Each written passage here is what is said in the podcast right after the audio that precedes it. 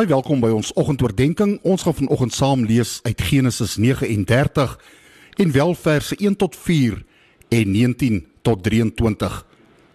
Josef is na Egipte toe gebring. Potifar, 'n amptenaar van die Farao en hoof van die leiwag, 'n Egiptenaar van geboorte, het vir Josef by die Ismaeliete gekoop wat hom Egipte toe gevat het. Die Here was by Josef en dit het baie goed gegaan met hom. Hy het in die huis van sy eienaar die Egiptenaar gebly. Toe Potifar Josef se eienaar sien dat die Here by Josef is en dat die Here alles wat Josef aanpak laat slaag, was Potifar hom goedgesind. Hy het Potifar se persoonlike slaaf geword en Potifar het hom aangestel oor sy hele huishouding en al sy besittings is onder Josef se sorg geplaas. En dan vind die gebeure plaas waar Potifar se vrou by Josef aanlê en sy hom uiteindelik van verkrachting aankla omdat hy geweier het om toe te gee. Ons lees dan in vers 19. Toe Josef se eienaar by sy vrou hoor wat sy slaaf alles aan haar gedoen het, was hy kwaad. En het hy vir Josef gevat en in die tronk gegooi waarin die mense was wat deur die koning gevange gehou is. Terwyl Josef daar in die tronk was, was die Here by hom en hy Josef se troue liefde laat ondervind sodat die tronkbewaarder hom goedgesind geword het. Hy het vir Josef in beheer geplaas van al die gevangenes in die tronk en van wat hulle moes doen. Josef was vir alles verantwoordelik en die tronkbewaarder het nie meer na iets omgesien nie. Alles was in Josef se hande want die Here was by hom. Want Josef wat Josef ook al aangepak het, Die Here het dit laat slaag. Tot sover ons skriflesing.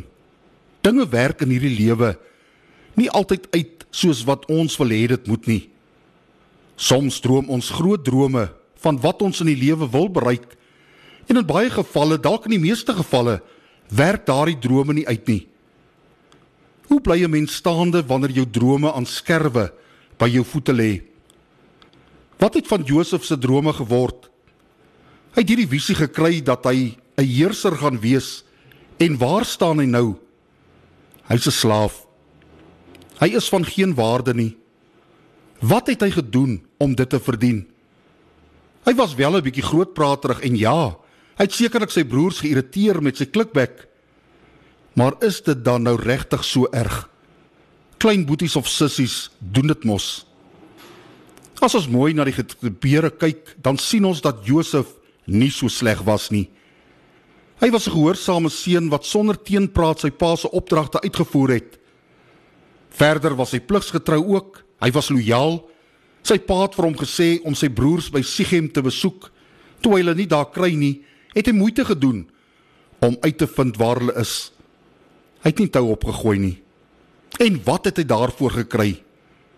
Hy is as 'n slaaf verkoop Ons kan ons maar net indink hoe bang en benoud hy moes gewees het. Dink maar net hoe dit vir 'n 17-jarige seun moes gevoel het om alleen daar op die slawebank as slaaf te staan en verkoop te word. Genesis 42 vers 21 sê vir ons hoe benoud hy was. Daar staan geskrywe: Dit het ons nou van alles wat ons destyds aan ons broer aangedoen het. Ons het sy angs gesien toe hy ons om genade gesmeek het. Maar ons het nie geluister nie. Tog gaan dit nie sleg met Josef nie. In Genesis 39 vers 2 hoor ons: Die Here was by Josef en dit het baie goed gegaan met hom. Hy het in die huis van sy eienaar, die Egiptenaar, gebly. Dit het so goed gegaan dat Josef die hoofslaaf geword het in Potifar se huis. Josef was in beheer van die hele huishouding en die Here het die huishouding geseën. Ek dink nogal as 'n mens 'n slaaf moet wees, dan is dit nogal die posisie waar 'n mens graag sou wil inwees, nie waar nie? En net net toe dit begin goed gaan met Josef, kom die volgende probleem. Potifar se vrou begin by hom aanlê en ten spyte daarvan dat hy op 'n mooi manier vir haar gesê het dat dit verkeerd is, het sy aangehou daarmee Vergelyk Genesis 39 vers 10. Sy dag vir dag by Josef aangehou, Maar hy bly weier om toe te gee aan die versoeking. Arme Josef. Hy is alweer onskuldig in die moeilikheid, want die uiteinde daarvan is dat Potifar se vrou hom aangekla het. Genadiglik spring hy weer eens die dood vry. Want vir so 'n oortreding het 'n slaaf in daardie tyd die doodstraf gekry. Tog word Josef net in die tronk gegooi. Wat 'n droewige situasie is dit nie? Hier sit Josef in die tronk, net toe dit lyk of dit begin beter gaan, tref die ongeluk hom ten spyte daarvan dat hy alles in sy vermoë gedoen het om reg op te tree. Hy gaan tronk toe en is amper weer doodgemaak. Hoe dikwels gaan dit nie ook maar so met ons nie? Hoeveel keer het dit nie ook al gebeur dat 'n persoon wat ongeruimthede aan die lig bring, sy werk verloor nie? Die eerlike persoon word gestraf en die oneerlikes leef maar net lekker voort. Ek is seker dat elkeen van ons al 'n soortgelyke ondervinding gehad het. Ek tree reg op en op die uiteinde word ek as die skuldige gebrandmerk. Potifar se vrou kom skotvry daarvan af en arme Josef moet in die tronk gaan sit. Hy kon homself nie verdedig nie. Hy was 'n slaaf en slawe het geen regte gehad nie. Dit sal nie eers gehelp het dat hy sy onskuld probeer bewys nie. Want wie gaan die woord van 'n slaaf glo? Dit was sy woord teen die vrou van die hoof van die koninklike leiwag. Hy het nie eens 'n kans gekry om sy kant van die saak te stel nie. Hy is 'n muur net in die tronk gegooi. En dan hoor ons die wonderlike troos van die Here in Genesis 39 vers 20 en 21 terwyl daar terwyl Josef daar in die tronk was was die Here by hom. En hy het sy Josef sy troue liefde laat ondervind. Toe hy 'n slaaf was het ons ook gehoor dat die Here by Josef was Genesis 39 vers 2 maar nou kom daar 'n ekstra versekering by. Hy Josef sy troue liefde laat ondervind. Hier in Genesis 39 kry ons tot 4 keer die versekering dat die Here by Josef was. Dit is egter belangrik dat ons daarop moet let dat die Here hom nie uit die omstandighede geneem het nie. Hy was nog steeds 'n slaaf en nadat hy in die tronk gegooi was, het hy steeds in die tronk gebly. Wat God wel gedoen het, was om die omstandighede draaglik te maak. Josef het die hoofslaaf geword en in die tronk het die tronkbewaarder hom in beheer geplaas van al die gevangenes. As ons na die uiteinde van die verhaal kyk, dan sien ons hoe God Josef se omstandighede gebruik het om hom op te lei vir die groot taak wat vir hom voorgelê het. As slaaf daar in Potifar se huishouding en daar in die tronk het Josef die nodige vaardighede aangeleer sodat hy in staat kon wees om Egipte onder die farao te regeer en natuurlik kon hy sy familie help in die groot droogte. Die Here was met Josef. Dit staan vas en seker. Die goeie nuus is dat die Here ook met ons is. In Matteus 1 vers 23 beloof God dit: Die maagd sal swanger word en 'n seun in die wêreld bring en hulle sal hom Immanuel noem. Die naam Immanuel beteken God by ons. Jesus Christus het as mens aarde toe gekom. Hy het 'n vervloekte kruisdood gesterf en bange God se verlatenheid verduur sodat ek en jy nooit weer deur God verlaat sal word nie. Sodat God altyd by ons kan wees. Na sy hemelvaart het hy die Heilige Gees in sy plek as trooster en helper gestuur sodat ons nooit weer alleen sal wees nie.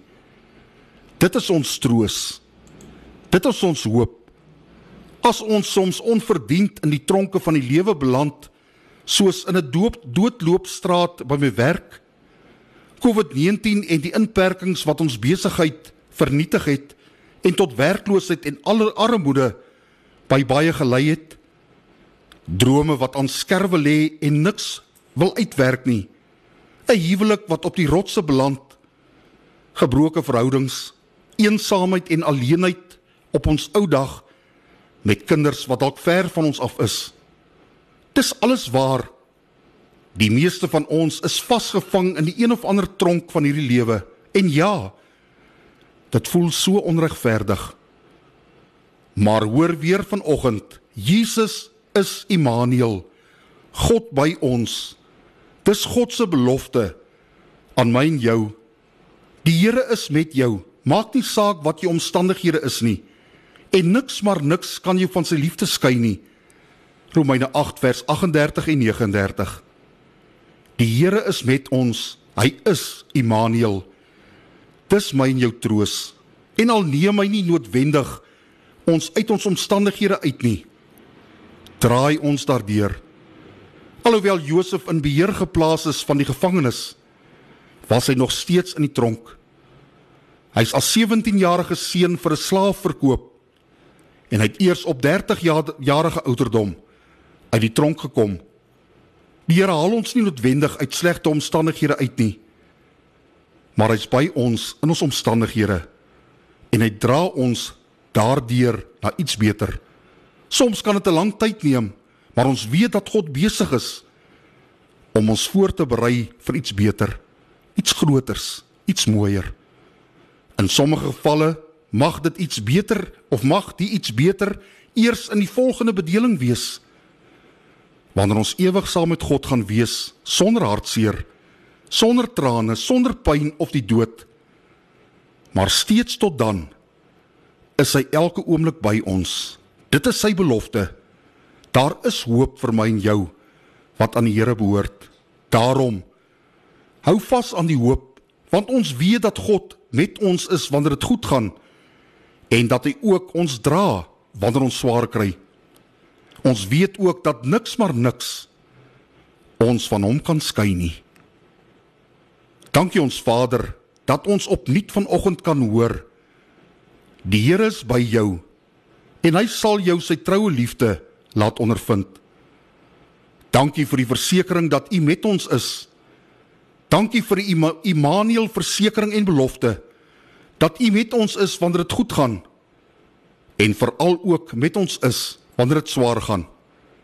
Dankie dat U altyd ons omstandighede draagliker maak en ons voorberei vir die bedeling wanneer ons ewig saam met U gaan wees sonder hartseer, sonder trane, pyn of die dood in U ewige stad waarvan die strate met goud en edelgesteentes uitgelees. Ons loof U en ons prys U in die naam van Jesus Christus. Amen.